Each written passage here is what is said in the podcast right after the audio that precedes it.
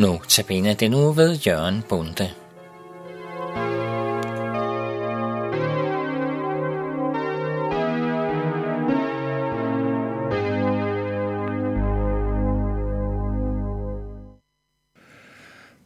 Og jeg vil igen byde radiolytterne rigtig velkommen, rigtig hjertelig velkommen til denne notabene udsendelse. Og temaet er stadigvæk Daniels bog, og jeg har givet som overskrift i dag, billedstøtten og ildovnen. Og det er kapitel 3 i Daniels bog, det handler om. Dette kapitel handler om, hvordan kristnes tro bliver prøvet. Her er Daniel ikke selv med personligt, men hans tre venner, Shadrach, Meshach og Abednego, er dem, det handler om. Vi kunne også sætte som overskrift, at dette kapitel viser Guds trofasthed mod sine børn. Men det kommer vi tilbage til. Dette viser i hvert fald, dette kapitel viser en tro, som endnu ikke frygter døden. For alle kristne til alle tider har kapitlet her været en stærk inspiration. Alle, som må lide på grund af deres tro, kan her finde stærke ord til trøst. Gud har magt til at frelse og at udfri dem, som sætter sin lid til ham selv. Selv når situationen ser helt håbløst ud, og der kun er døden tilbage, ser vi her et stærkt håb udtrykt, et håb op opstandelse og evigt liv. Daniels tre venner har et håb, selvom måske Gud ikke frelser dem her og nu fra ildovnen, så har de altså et håb om opstandelse og det evige liv. Beretningen her i kapitel 3 har betydet meget også for troens folk siden ind. Jeg kan bare henvise her til Hebræerbrevet, som også er skrevet til en forfulgt menighed. Der står for eksempel i kapitel 11, vers 34,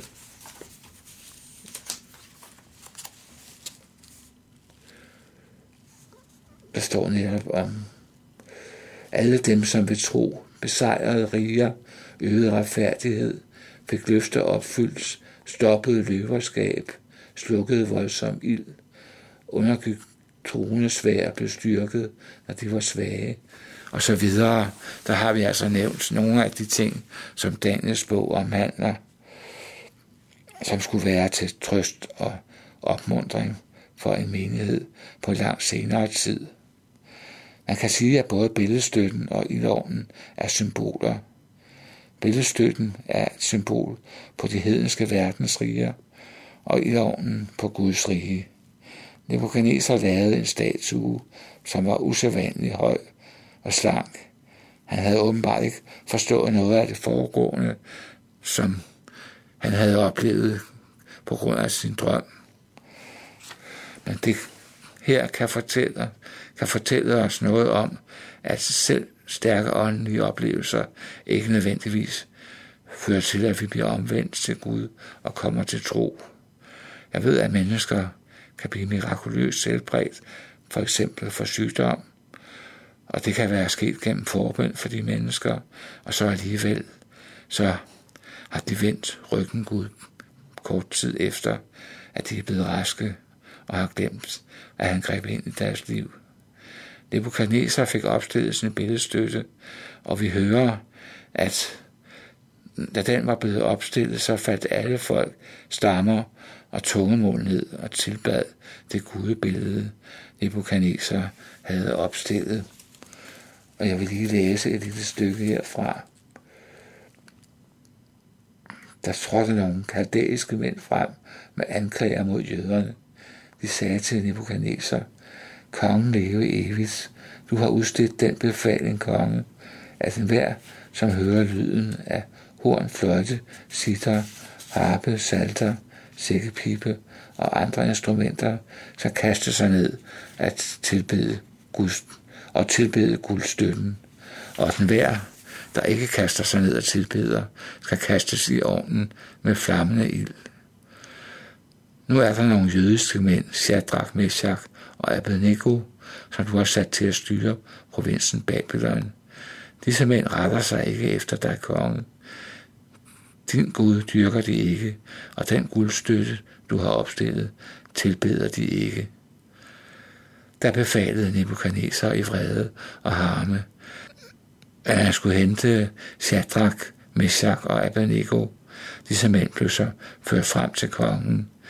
Nebuchadnezzar spurgte dem, Shadrach, Meshach og Abednego, er det sandt, at I ikke dyrker min Gud, og ikke tilbeder den guldstøtte, jeg har opstillet?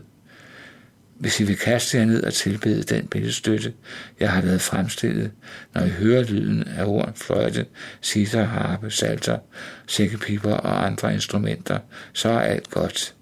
Men hvis I ikke vil tilbede, vil I straks blive kastet i ovnen med flammende ild. Hvem er den Gud, der kan redde jer ud af min magt? Shadrach, Meshach og Abednego svarede kongen, Nebuchadnezzar, vi behøver ikke svare dig. Kommer der til, så kan vores Gud, som vi dyrker, redde os. Han kan redde os ud af ovnen med flammende ild og ud af din magt, konge. Og selvom han ikke gør det, skal du vide, konge, at vi ikke vil dyrke din Gud, og at vi ikke vil tilbede den guldstøtte, du har opstillet. Ja,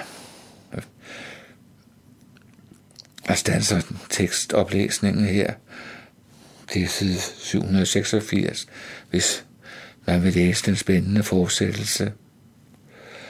Der sker nemlig noget uventet. Daniels tre venner nægter at kaste sig ned for billedstøtten, og her har vi en direkte konfrontation mellem Gud og verdensmagterne. Det er enten eller venskab med verden, og det ville det have været at kaste sig ned for billedstøtten. Det betyder fjendskab med Gud og omvendt. Dette galt for Daniels tre venner, men det gælder også for os, som bekender troen i vores tid. Jeg må spørge mig selv. Du må spørge dig selv. Bekender jeg frimodigt min tro? Er jeg også i tjenesten for Guds rige? Forsager jeg djævlen og verdens væsen? Gør du det, vil du uværligt opleve konflikt og forfølgelse. Det har Bibelen direkte fortalt. For fuld bliver en som vil gøre din vilje, står der, som vil gøre Herrens vilje. Men beretningen om ildovnen standser ikke ved, at Shadrach, Meshach og Abednego bliver kastet ned i ilden. De kom ud af ovnen uden at være kommet noget til.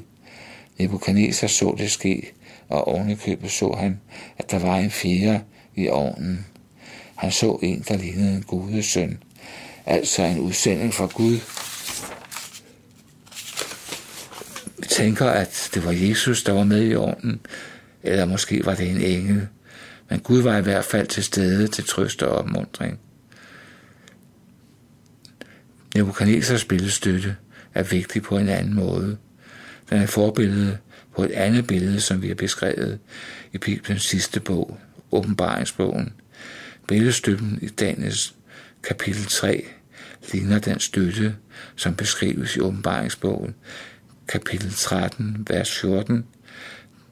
Der hører vi om det dyr, som blev såret med et svær, men igen blev gjort levende, og vi hører, at alle folk skulle kaste sig ned og tilbede det dyr. Og de, der nægtede at tilbede, skulle dræbes. Altså fælles træk, både i Daniels bog og i Bibelens aller sidste bog, åbenbaringsbogen. Og Daniels tre venner nægtede at tilbede billedstøtten, ligesom vi hører om, at nogen ikke vil tilbede dyret og det spillede i åbenbaringsbogen. Åbenbaringsbogen viser os, at det er antikrist, der regerer gennem hedningerigerne, lige fra Nebuchadnezzars rige frem til antikrist rige, som er det sidste hedenske verdensrige, og som vi muligvis ikke har set noget til endnu. Men vi har en forventning om, at der snart kan komme en tid, hvor vi, der bekender os som kristne, bliver befalet at tilbede antikrist eller hans billede. Der må vi vide, at Gud er med os, når vi prøves, ligesom Gud var med Shadrach, Meshach og Abednego i ildovnen. Ja, jeg vil lige bede kort her til sidst. Kære himmelske far, tak for det forbillede, vi ser her i Daniels bogs 3. kapitel. Tak fordi, at ja, selv i den sværeste situation kan du gribe ind og hjælpe. Men tak også for det forbede i troen, som Daniel og hans tre venner viser os her. Tak fordi, at selvom de ikke engang havde fået forvisning på, at de skulle komme levende ud af ildovnen, så havde de fuld tillid til et evigt liv og en opstandelse. Tak fordi, at vi også kan se det som et forbillede i vores tid. Tak fordi, at selvom det måske bliver sværere og sværere at blive en kristen, og være en kristen, også i vores eget land, at du så stadig er med os. Og tak fordi, at når vi hører om forskelligt rundt omkring i verden, så peger det på, at du snart kommer igen. Og så skal det være slut med alle de hedenske verdens riger. Amen.